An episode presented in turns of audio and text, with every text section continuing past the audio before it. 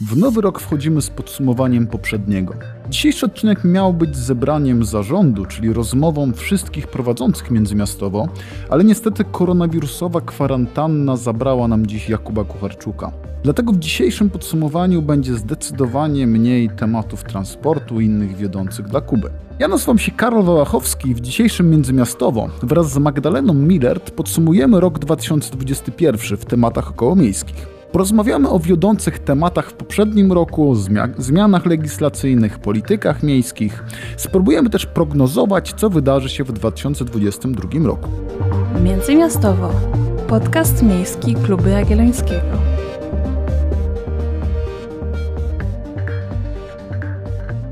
No więc tak, chyba jest tak, że publicyści, autorzy i tak dalej tworzą te główne tematy, które to potem są e, brane przez polityków i różnych innych włodarzy miast i tak dalej, i tak dalej. Więc chyba na początku powinniśmy zacząć od tego, jakie tematy były nowe, świeże, co było takiego wiodącego w tym 2021 roku. Nie wiem, czy jest coś super nowego w, w tym roku. Wydaje mi się, że trochę na sile nabierają tematy, które się wydarzyły 2020. No i tutaj wchodzi nam cała na biało ta na chyba najważniejsza rzecz, o której się tak zaczyna mówić w temacie e, zmian popandemicznych, czyli taka odporność miast. E, I wchodzą też coraz mocniej, bo są na przykład właśnie opracowywane gdzieś tam, nie wiem, w książkach, e, tematy betonowania zbyt wielkiego, zbyt obszernego, zbyt chętnie robionego.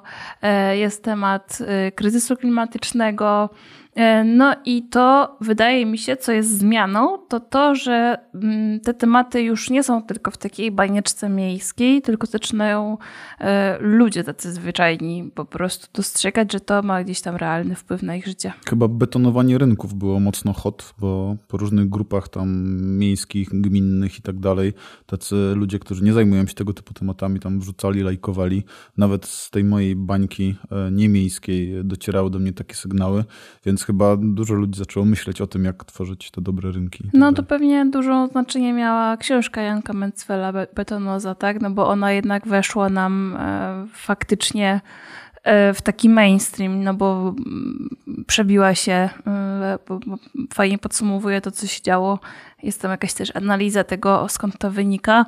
Mm, no i y, zwłaszcza te takie zdjęcia przed i po, które latały na Twitterze, e, też się stały takim tematem. No i właściwie chyba wśród tych ekspertów jest tak, że jak już ktoś mówi betonoza, to już tak, a Jezu, znowu, ale z drugiej strony chyba dobrze, żeby ten temat tak przewokować faktycznie, bo na pewno ktoś jest jeszcze, którego uważa, który uważa, że ten temat nie jest jakoś ważny. Więc no. Chyba przy tym betonowaniu też e, doszliśmy doszliśmy do takiego momentu, że chyba już do mainstreamu weszło w ogóle zastanawianie się nad tym, jak e, tak architektonicznie, urbanistycznie robić dobre miasta. Mhm. I też chyba jakbyśmy popatrzyli sobie na różne artykuły związane, nie wiem, z wybieraniem mieszkania na przykład, mhm. albo czy wybierać mieszkanie, czy domek pod miastem, mhm. no to tam chyba coraz więcej ludzi zaczyna jakby kojarzyć, e, w których miejscach dobrze się żyje, więc chyba też to. Tak, no ten temat mieszkań jest w ogóle e, chyba takim drugim dość istotnym e, tematem, który ja przynajmniej bardzo odczułam z jednej strony, bo zaczęłam pisać o tym, a z drugiej strony, bo faktycznie no, poszybowały nam te ceny w, właściwie nie, już nie w centrach dużych miast, tylko wszędzie. E, no i właśnie związane z tym takie wypychanie nieco biedniejszych albo tych, którzy po prostu szukają większego metrażu przystępnego cenowo pod miasto. No i tutaj właśnie mamy taki zgrzyt, nie? że z jednej strony no właśnie, czy mieszkać pod tym miastem, w tym domku, wiedząc, że niestety ma to swoje mm, dość duże, dość dużą ilość minusów, a z drugiej strony myśląc też o tym, że no kurczę, na nic innego nas nie stać, a na przykład chcemy, żeby nasza dwójka dzieci miała osobne pokoje. Takim tematem, który mnie jeszcze mocno zdziwił, że wszedł do mainstreamu, e, jest całe bezpieczeństwo ruchu drogowego. E, bo na początku roku do połowy mniej więcej przytaczała się ta debata polityczna, czy zwiększyć mandaty, mhm. czy nie zwiększyć. I miałem wrażenie, że trochę w Polsce, jeśli chodzi o ruch drogowy, to trochę tak jak w Teksasie, że każdy niech, niech wolny rynek zdecyduje, kto tam może ile mhm. jeździć. E, ale nagle się okazało, że jednak dużo osób e, widzi to, że dużo osób ginie na polskich drogach i to jest zwykle wina nie tylko infrastruktury, też zachowań kierowców e, i nie tylko i wyłącznie tego, że ludzie jeżdżą po alkoholu, tylko właśnie bo lubią zapierniczać, mhm. czy tam inaczej, e, chyba, nie wiem, czy w podcaście chyba nie klniemy, czy nie. Nie, chyba Albo, nie. No. Jest, są te naklejki takie, chyba lubię zapierdalać, tak mi się wydaje, e, więc e, myślałem, że w Polsce to jest niemożliwe, ale nawet ostatnio widziałem badania CEBOS, gdzie okazało się, że e, z, z przekraczanie prędkości jest czymś, co jest w ogóle nieakceptowalne przez ludzi. Uważają, że to jest moralnie jakby złe, hmm. więc chyba to też Wiesz, się zmieniło pytanie, jak to jest, nie? Bo to jest zawsze deklaratywne. No to jak ktoś cię pyta, no to jasne, nie? A później może się inaczej okazać. Natomiast wydaje mi się, że ta końcówka roku i te wydarzenia z Beatą Kozidrak i z Kraśko też, też jakby pokazały to, jak sobie tak przypominam, e, jak te wydarzenia e, w poprzednich latach gdzieś było, to było tak, że a wiadomo, każdy sobie lubi depnąć, albo coś tam, piwo to nie alkohol i tego typu były gadki. A teraz e, mam wrażenie, że to jest jednak taki ostracyzm trochę społeczny, tak, że to już nie są akceptowalne zachowania i dość dobrze, że mm, jakby taki wątek w ogóle się gdzieś pojawia, no bo jednak w tych statystykach śmiertelności osób nieprowadzących, czyli tych, które gdzieś tam są albo pieszymi, albo powiedzmy gdzieś poruszają się po, po poboczach, była bardzo wysoka. No i właśnie na przykład zmiany z pierwszeństwem na przejściach dla pieszych pokazały, że ta śmiertelność bardzo spadła i dobrze chyba też e, to, co mnie zdziwiło nieco, to miałem wrażenie, że w poprzednich latach e, było tłumaczenie establishmentu, że w sumie jeśli ktoś jest artystą, to może trochę więcej, no bo mm. wiecie, musi być kreatywny mm -hmm. i tak dalej, więc jak jeździ po pijaku, no dobra, niech każdy rzuci kamień, niech ten A, rzuci tak, kamieniem, tak, kto nie pojechał po pijaku, nie? Tak, tak. E, a chyba mam wrażenie, że w tym roku już nie było zbyt wielu obrońców tych, którzy sobie tak, jeździli tak. po pijaku. I też mam wrażenie, że też chyba przez aktywność e, też części jakoś tam Twittera i różnych e, osób opiniotwórczych, też mam wrażenie, że jest coraz mniejsza jednak zgoda na to, żeby jeździć szybko samochodem. E, tam chyba nawet pamiętam, któryś raper bodajże jechał szybko autem i chyba Janek Śpiewak był tym, który tam zgłosił na policję tą sprawę, to było dosyć głośne, więc to też się chyba zmieniło. Mhm. No i wiesz, też wchodzi trochę młodsze pokolenie, nie? które mm, jest zdecydowanie mniej usprawiedliwiające, tak mi się wydaje, tak? że oni bardzo szybko wyczuwają różne ściemy, też te greenwashingowe, więc tutaj y, no, można im y, brawo zabić. Dobra, więc tematy mamy mniej więcej tutaj zarysowane. E, drugi temat e, legislacja czyli co zmieniło się w prawie, jeśli chodzi o samorządy, e, bo mam wrażenie, że jednak trochę się działo, trochę mhm. chyba ponad głowami samorządów, no ale co według Ciebie było najistotniejsze w tym roku? Powiem Ci tak, że może nie najistotniejsze, a rzecz, do której, od której jakby, w związku z którą otrzymałam najwięcej telefonów z różnych miejsc, to były zezwolenie na domki 70-metrowe e, i po prostu Pani Magdo, czy może Pani udzielić głosu? Mm, I właściwie to chyba był taki dla mnie najbardziej grzany temat. No to mm. hot or not? Ech. Czy mamy e, osobny odcinek nagrywać na ten temat? Nie no, w skrócie tak. To nie jest rozwiązanie problemu, a domki jakby można było i tak wcześniej budować e, z taką klauzulą, powiedzmy, zachowywania, nie wskazywania na oddziaływanie na, na sąsiedztwo, więc nie jest to jakoś e, rzecz po prostu przełomowa, po prostu się to stało bardzo modne. Jest to odpowiedź na to, co się dzieje na rynku mieszkaniowym, ale to, co się wydarza, po prostu będzie pogłębiać problem. Ja mam wrażenie, że PiS zrobił to w idealnym momencie, bo oni wiedzą, że materiały idą do góry, wiedzą, że, że robocizna idzie do góry, więc ci, którzy mieli rzekomo budować te budynki, nie stać ich na ich budowę, więc jakby mhm. Wszyscy są szczęśliwi. Budynki nie powstają, PiS mówi, że zrobił coś właśnie no. dla biednych ludzi. Spoko. No i wiesz, mamy do tego jeszcze po prostu e, spełnianie marzeń e, tej, tych, tej części, która o tym domku marzy. Zresztą e, mamy osobny odcinek na temat domku, więc tu chyba wystarczy, że odeślemy do tego tematu. No, dla mnie zdecydowanie najważniejszy temat tego roku to Polski Nowy Ład, czyli temat, który e, pojawiał się e, przez kilka miesięcy, był zdecydowanie najbardziej gorący. Taki chyba, który dział się mocno nad głowami samorządów, bo tam chyba nikt za bardzo nie konsultował. Też mam wrażenie, że e, w tym roku mamy kolejną, jakby kolejny rozdział takiego uprawiania polityki gabinetowego i trochę przedstawianie ludziom, co się będzie robić, no mhm. ale tak to chyba e, wygląda obecnie w Polsce. E, no i ja pisałem rozdział do rządu pod lupą, który już teraz polecam, e, dotyczący właśnie polityki miejskiej i regionalnej. No i tam wnioski były takie, że mamy do czynienia jakby z kolejną fazą jakiejś centralizacji państwowej. Mhm. To znaczy te zmiany podatkowe, które właśnie w Polskim Nowym Ładzie występują, jakby osłabiają pozycję e, finansową samorządów, to znaczy te samorządy będą miały w najbliższych 10 latach tam około 120 miliardów złotych mniej do wydania. E, to są dane oceny skutków regulacji przygotowane mhm. przez samo ministerstwo, więc zakładam, że oni raczej nie, nie zawyżają, tylko raczej zaniżają. Mhm.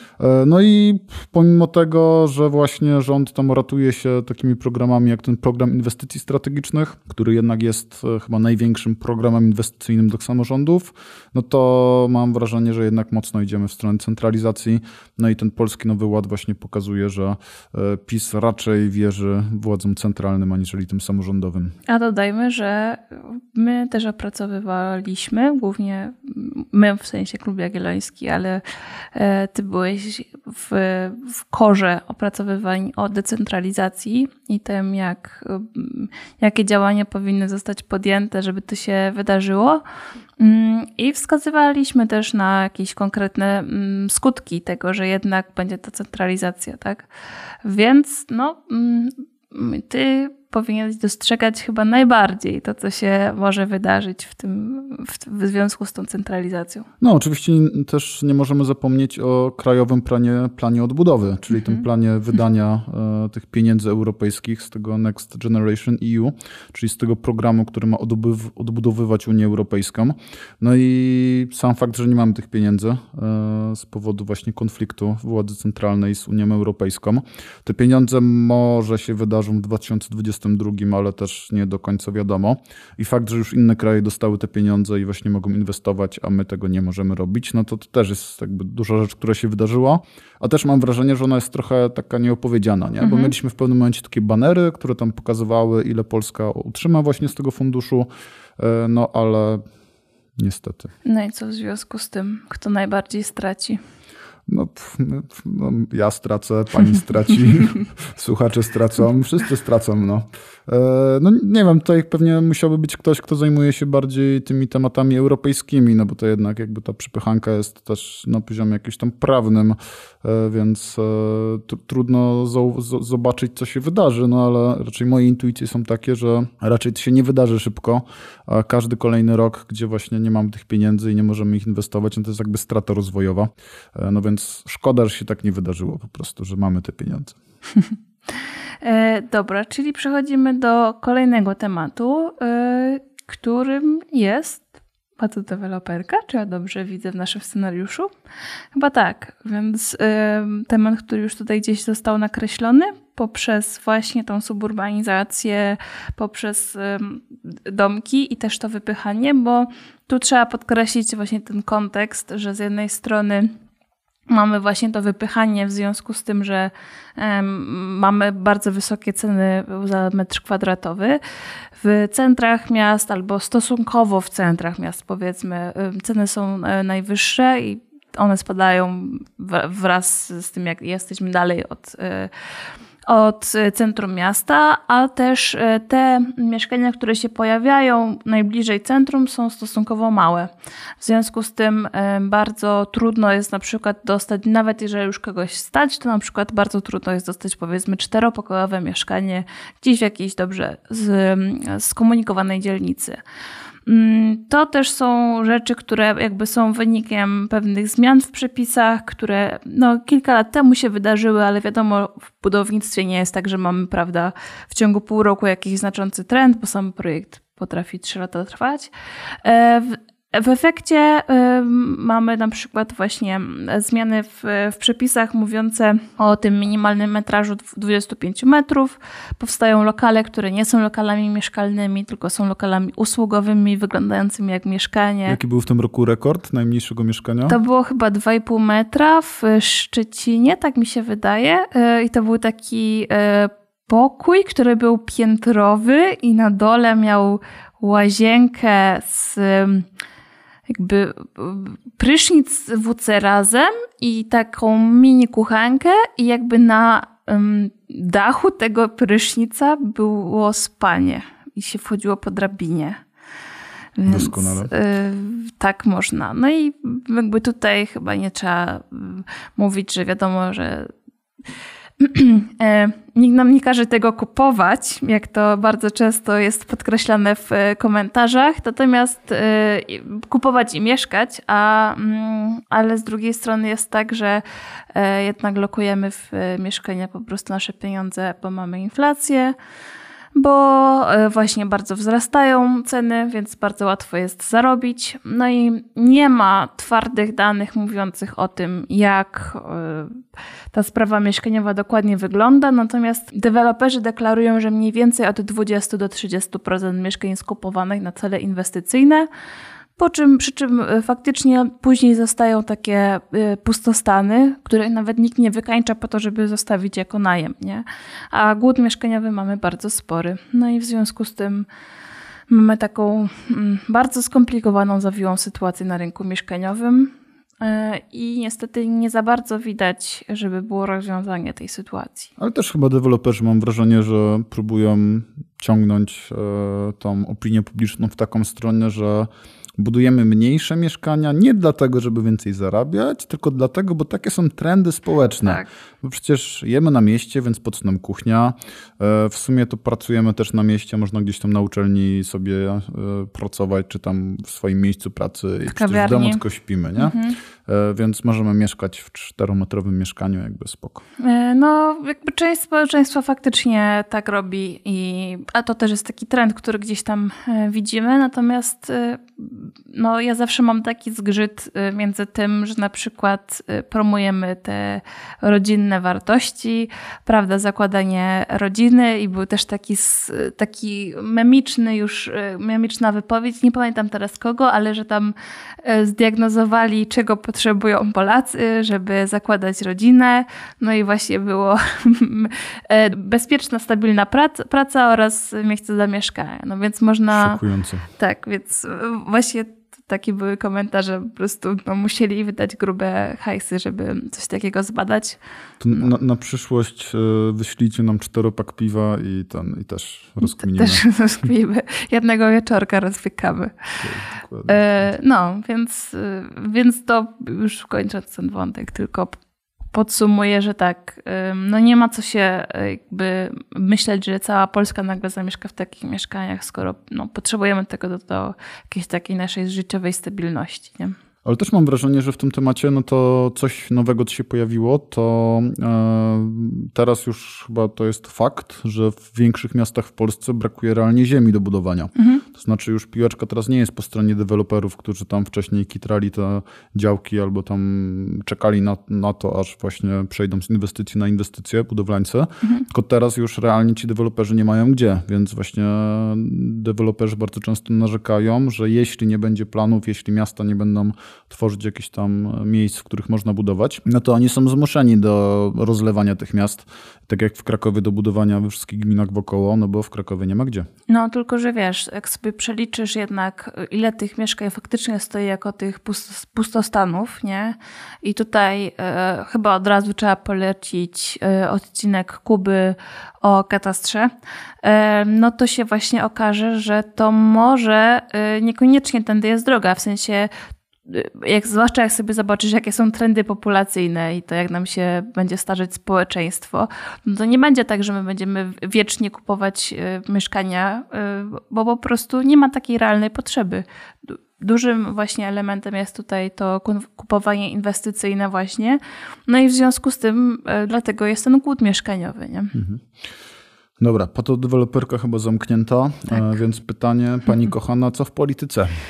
Panie, panie kochany, generalnie chyba mm, tutaj na naszym lokalnym ryneczku e, coś tutaj się zadziało takiego mm, dziwnego w tym roku.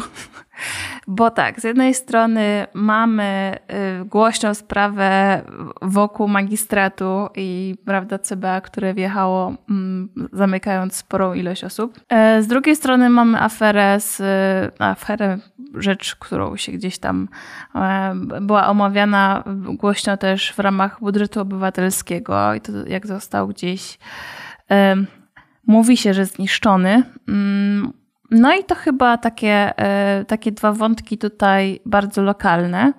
E, no i chyba oddam Ci głos, bo pisałeś tekst o tym, jak jest to e, żaba gotowana wolno.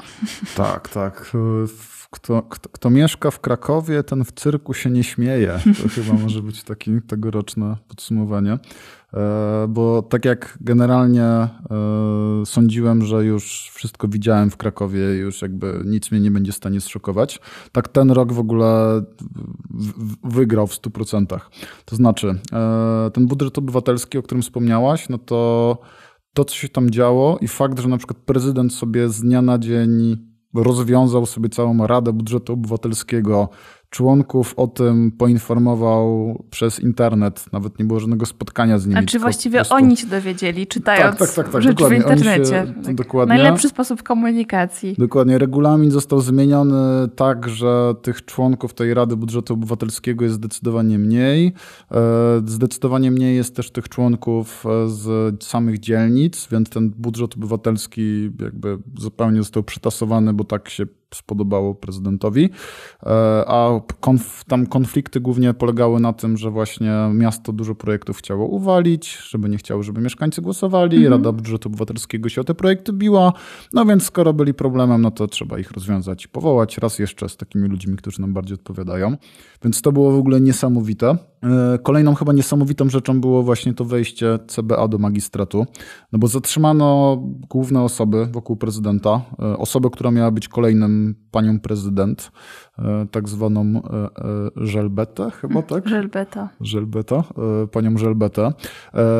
Zatrzymano też innych tam dyrektorów, wiceprezydentów i tak dalej, i tak dalej.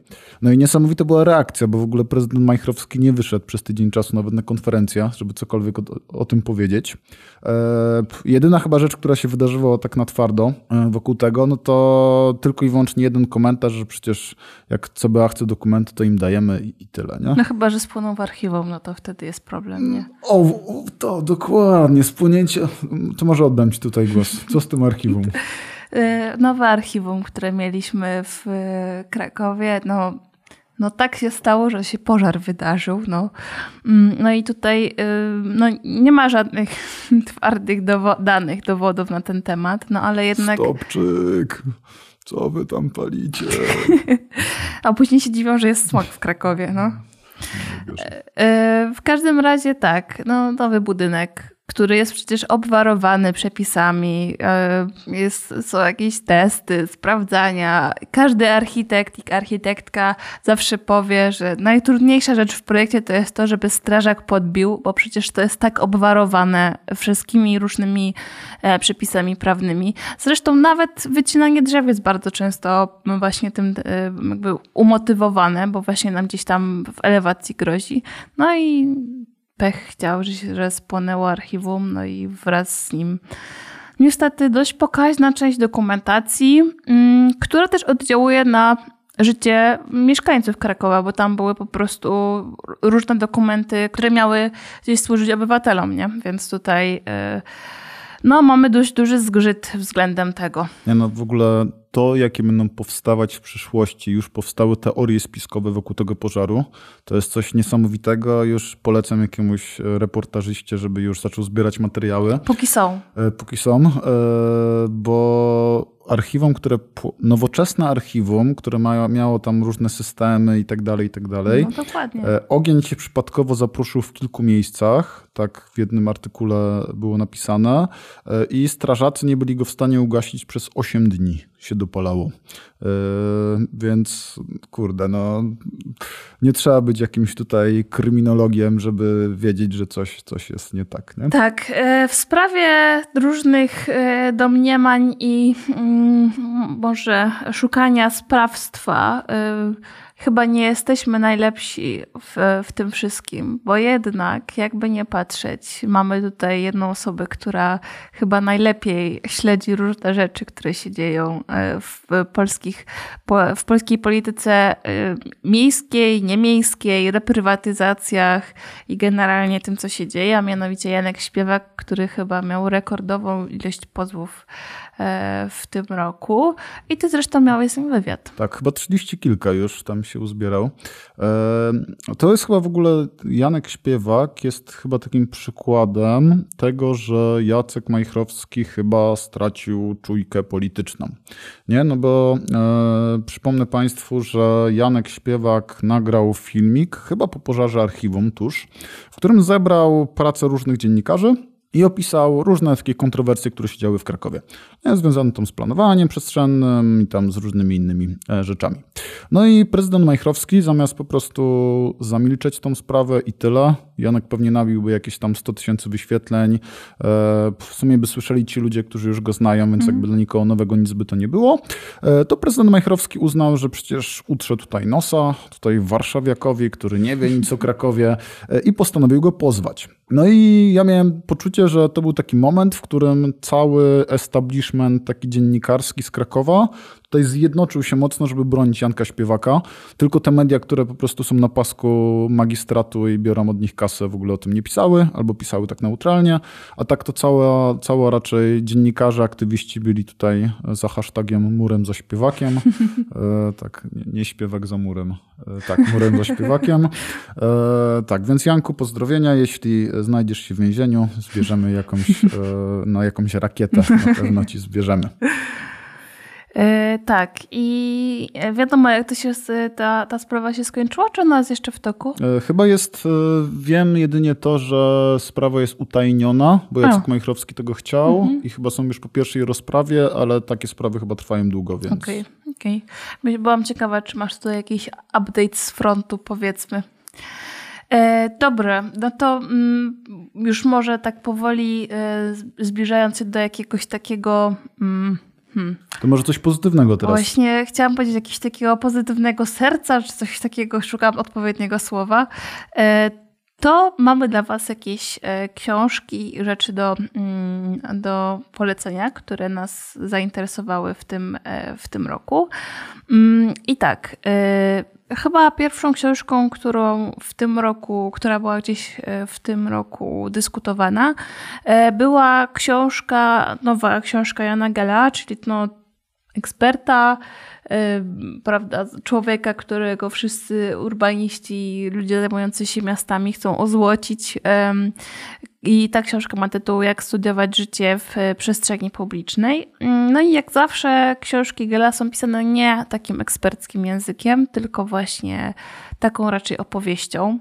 E, I tym razem też tak jest. Jest bardzo dużo ilustracji, rysunków pokazujących o czym on opowiada, więc to jest bardzo mm, przystępna rzecz i ja serdecznie polecam, bo naprawdę fajnie się ją czyta. Druga rzecz, którą ja jeszcze bym chciała tutaj polecić, jest y, książka Urban Labu, która jest takim podsumowaniem e, tego, czym są Urban Laby i w ogóle jak działają. Nie będziemy tutaj chyba szerzej omawiać tej idei, natomiast y, ta książka nazywa się Miasto wobec wyzwań i jest też taką fajną książeczką zebraną, y, która pokazuje właśnie to, y, o czym rozmawialiśmy przed podcastem jeszcze, czyli rezyliencja miejska, tak zwana odporność i to, jak miasta sobie radzą z różnymi kryzysami, w tym na przykład jak sobie poradziły właśnie z COVID-em, ale też innymi rzeczami, które gdzieś mamy na horyzoncie, typu kryzys klimatyczny, e, odporność na e, na przykład zwiększone opady, podtopienia i takie inne rzeczy. Karolu? E, na mnie zdecydowanie największe wrażenie zrobiła książka Rafała Matyi. Jej tytuł to Miejski grunt. Zrobiła na mnie wrażenie dlatego, że Rafał Matyja postanowił trochę inaczej opowiadać historię Polski. No bo tak jak kojarzymy ze szkoły, no to chyba każdy z nas cierpiał na tym, że ucząc się do sprawdzianów z historii, po prostu trzeba było kuć daty różnych króli i w sumie nie wiadomo po co, bo nikt potem nie wiedział, który król co mhm. robił i w sumie finalnie nie wiedzieliśmy na przykład, dlaczego nasze państwo jest biedne albo bogate w danej erze, albo nie wiem, nikt się nie zastanawiał nad tym, dlaczego na niektórych ziemiach powstawały wynalazki, a na niektórych nie, no bo to były takie zbędne bariery. E, ważne było to, w którym roku dany król co zrobił. Jaka to było bitwa. kluczowe. Tak, i oczywiście z kim się biliśmy tak. i kto wygrał i dlaczego przegraliśmy i dlaczego moralnie zwyciężyliśmy, jakby to jest polska historia opowiadana e, w szkole. E, a Rafał Matyja trochę odwrócił to i postanowił opowiedzieć naszą historię na podstawie naszych miast. Mhm. No i zaprasza nas Rafał Matyja w taką bardzo ciekawą podróż e, po tym, jak właśnie e, rozwijały się nasze miasta, co w nich było wyjątkowego i dlaczego dzisiaj nasze miasta posiadają dane specjalizacje, czy różne rzeczy dzieją się w tych naszych konkretnych miastach. E, w ogóle zmienia to myślenie o historii. Jeśli ktoś nie jest do końca przekonany, że historia mocno wpływa na nasze miasta i na to, jak się rozwijają dzisiaj, no to polecam przeczytać Matyję, to on na pewno rozwieje mhm. wam te wątpliwości. Druga chyba książka, która zrobiła na mnie duże wrażenie, to była książka Zapaść mhm. Marka Szymaniaka, tak, z którą super. rozmawiał Kuba chyba tak. w naszym jednym z podcaście. Tak. E, I Marek Szymaniak zrobił taką dobrą reporterską robotę, to znaczy nie siedział w Warszawie i pisał, co mu się wydaje, e, tylko on pojechał do mniejszych miast i zaczął rozmawiać z ludźmi. I mniejszych miast, które są e, w dużej mierze efektem tego, co się wydarzało po deindustrializacji, trudne słowo, ale powiedziałam je, i jak ci ludzie tam sobie żyją. I ja na przykład miałam tak z tą książką, że sobie ją musiałam dozować, w sensie miałam taką dużą jakby warstwę y, znieczulicy, jak sobie czytam tak ogólnie na Wikipedii, a tutaj jest to tak opisane faktycznie, co się z tymi ludźmi działo, jak to, jak oni teraz żyją. No, wydaje mi się, że to jest must read dla tych, którzy zajmują tak, się polityką tak. miejską, no bo dzięki książce Szymaniaka dużo łatwiej można wejść w perspektywę tych ludzi, którzy są z mniejszych miast, którzy nie mają takich problemów jak ludzie w Warszawie czy w Krakowie, czyli które korpo wybrać i e, żeby miasto jeszcze mhm pięć teatrów zasponsorowało, tak. E, tylko żyją w zupełnie innej rzeczywistości, gdzie właśnie na przykład podniesienie płacy minimalnej, co jest, to jest kosmicznie duża rzecz, dużo ważna rzecz, mhm. E, więc chyba dużo łatwiej zrozumieć Polskę mhm. przez tak. książkę. E, no ja w ogóle jestem fanką takich rzeczy jak i, i reporterskość tutaj opisana tak wynikowo i też właśnie tak jak Rafał Matyja opisuje w swojej książce, bo mam wrażenie, że o wiele lepiej rozumie się rzeczy nawet właśnie chyba w tym tygodniu do kogoś mówiłam, że bardzo bym chciała, żeby historia była opowiadana przez architekturę, bo normalnie wszystko lepiej się pamięta. Wydaje mi się, że jeszcze e, serię Wysoki Zamek trzeba tutaj polecić, bo tu oni wydają dużo e, różnych publikacji. Mamy tu i e, Jan Erbel ze swoją poza własnością i właśnie Miasto Szczęśliwe Charlesa Montgomery'ego. To są rzeczy, które oczywiście są kilka lat, natomiast no właściwie jest tak, że co rok coś wychodzi, nawet czasami częściej i są rowerowe, i jest rowerowe miasto, więc tak, tutaj... Teraz chyba o zieleni jest nowa książka. Chyba jest Sitopia, tak to się nazywa, mhm. tak mi się wydaje. Jest tam teraz na stronie i właśnie jest y, Sitopia, czy Sitopia, nie wiem jak się czyta. Y, jeszcze jest kształt zieleni Lens Hosey. O widzisz, to tego nawet tak, nie wiedziałam. Przeglądałem ją tylko, ale mhm. tam jest dużo właśnie jak ważna jest zieleń dla miasta. Więc... No, więc tak, ca całą serię tutaj polecamy. I chyba na koniec ja bym jeszcze chciała polecić nie książkę, a stronę internetową bloomberg.com ukośnik City Lab. To jest taka część miejska właśnie na jakby strony Bloomberga, która można sobie na, się do newslettera zapisać, codziennie wysyłają taki zbitek artykułów i są bardzo ciekawe rzeczy, bo mm, z jednej strony są to głównie amerykańskie rzeczy, natomiast bardzo dużo jest takich elementów, które jednak gdzieś są powiązane z innymi trendami właśnie na świecie i wskazują też na bardzo dużo różnych nieoczywistych rzeczy. E, I właśnie na przykład, nie wiem, jak się czyta tam, nie wiem, załóżmy o jakimś lej, e, to wskazują na przyczyny różnych nierówności, które tam się pokazują.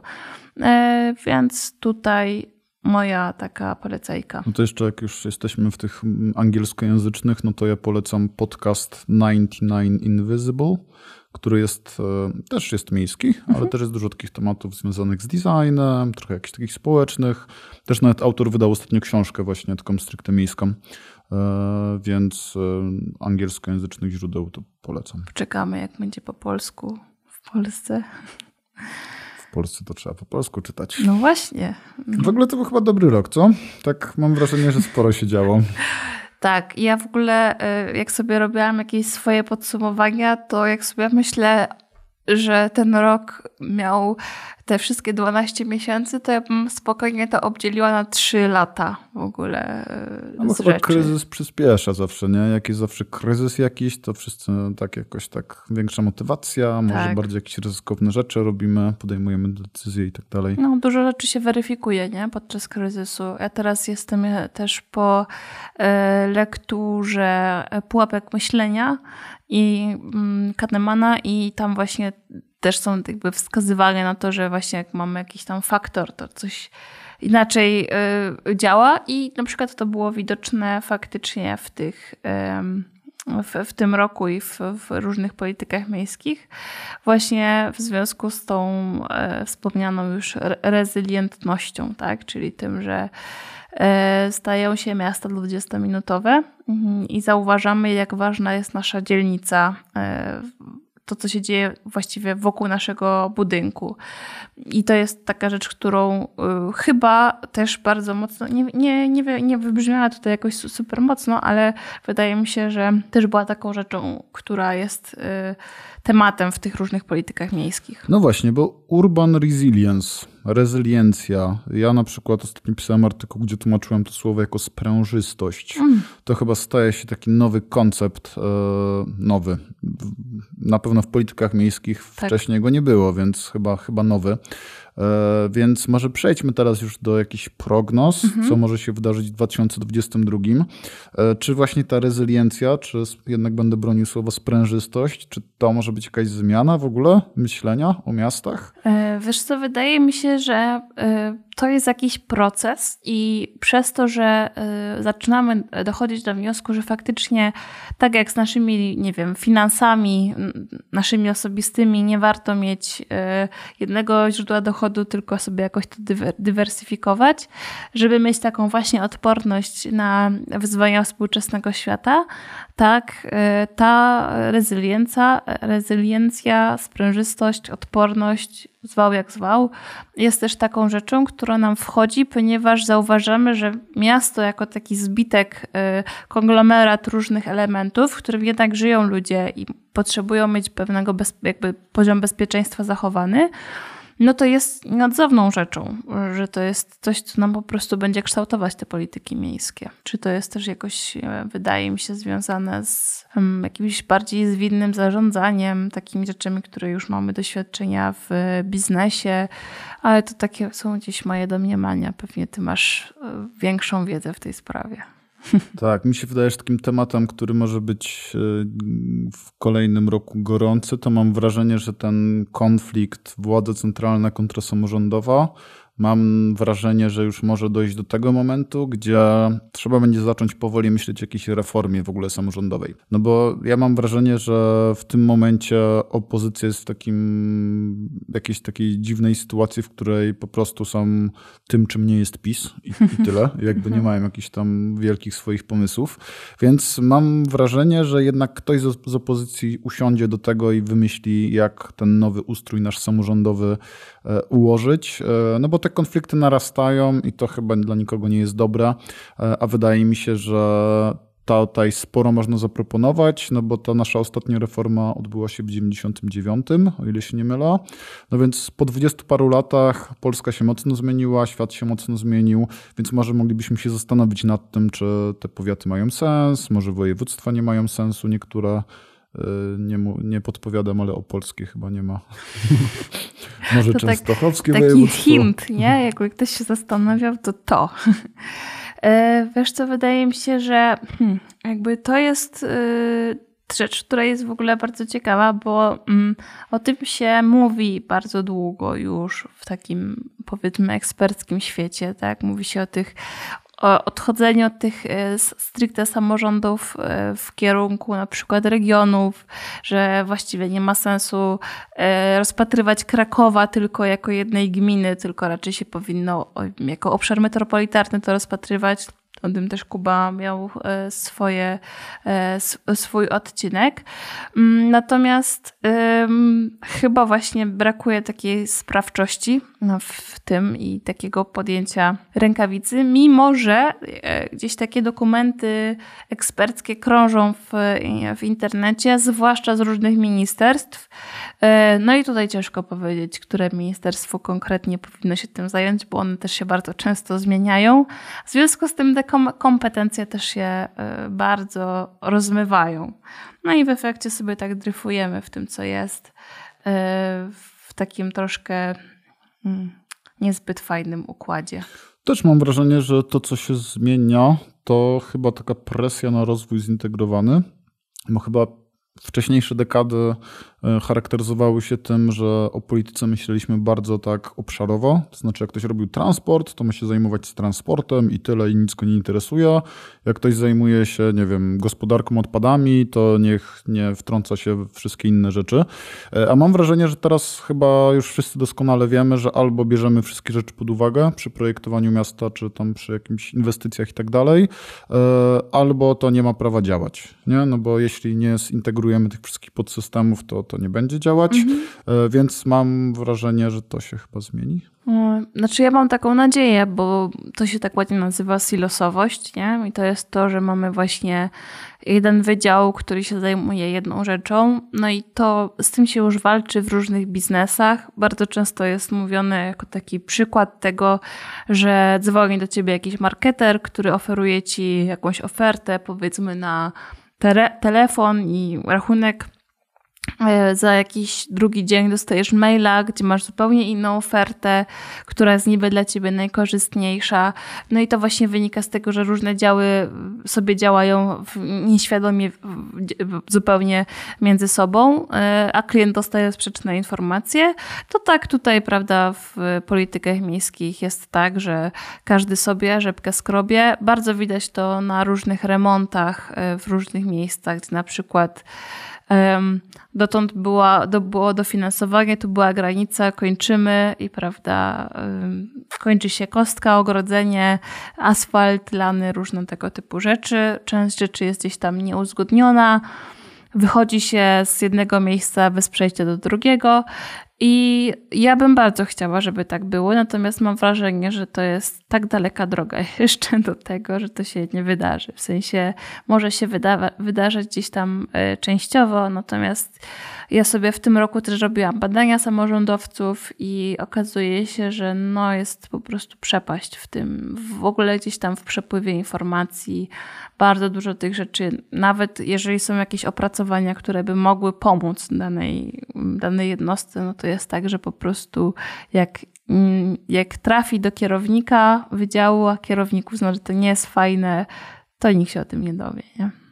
Ale może wracając do tego, co się faktycznie wydarzy, bo nasze prognozy są tylko prognozami, no to w 2022 roku będziemy mieć World Urban Forum, czyli największą imprezę miejską. No i to jest rzecz, która się wydarzy u nas w Katowicach w czerwcu.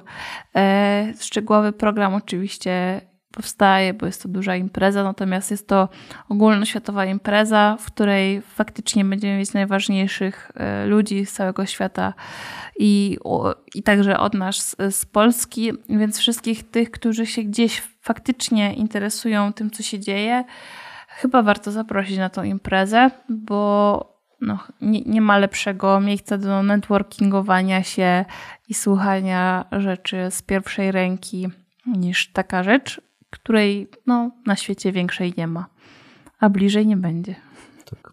No dobra, to chyba już tyle z ważnych rzeczy, tyle z naszych prognoz. E, jesteśmy teraz ciekawi chyba, co Państwo myślicie, bo z tymi prognozami to e, sam jestem ekonomistą, więc doskonale Państwo wiecie, że żaden ekonomista jeszcze nie przewidział kryzysu gospodarczego i w sumie my nic nie przewidujemy sensownie, więc może Państwo będziecie w stanie lepiej to zrobić od nas, e, więc zachęcamy do pisania na Twitterze czy wszystkimi innymi różnymi kanałami. A w tym momencie dziękujemy za 2021 rok. Mam nadzieję, że ten 2022 będzie tak samo intensywny i tak samo dobry e, jak ten 2021. E, I na finale chyba życzymy zdrowia Kubie. E, jak już wróci z kwarantanny, trzeba będzie go docisnąć, żeby nagrał parę odcinków do przodu. Więc życzymy też zdrowia. Dziękujemy bardzo i do usłyszenia. Międzymiastowo. Podcast miejski Kluby Jagiellońskiego. W dzisiejszym odcinku to już wszystko. Produkcja tego odcinka została sfinansowana ze środków otrzymanych w ramach Programu Rozwoju Organizacji Obywatelskich na lata 2018-2030, których operatorem jest Narodowy Instytut Wolności Centrum Rozwoju Społeczeństwa Obywatelskiego. Pozyskany grant pozwala nam rozwijać nie tylko nasz podcast, ale inne działania w tematyce miejskiej na portalu klubjagielloński.pl.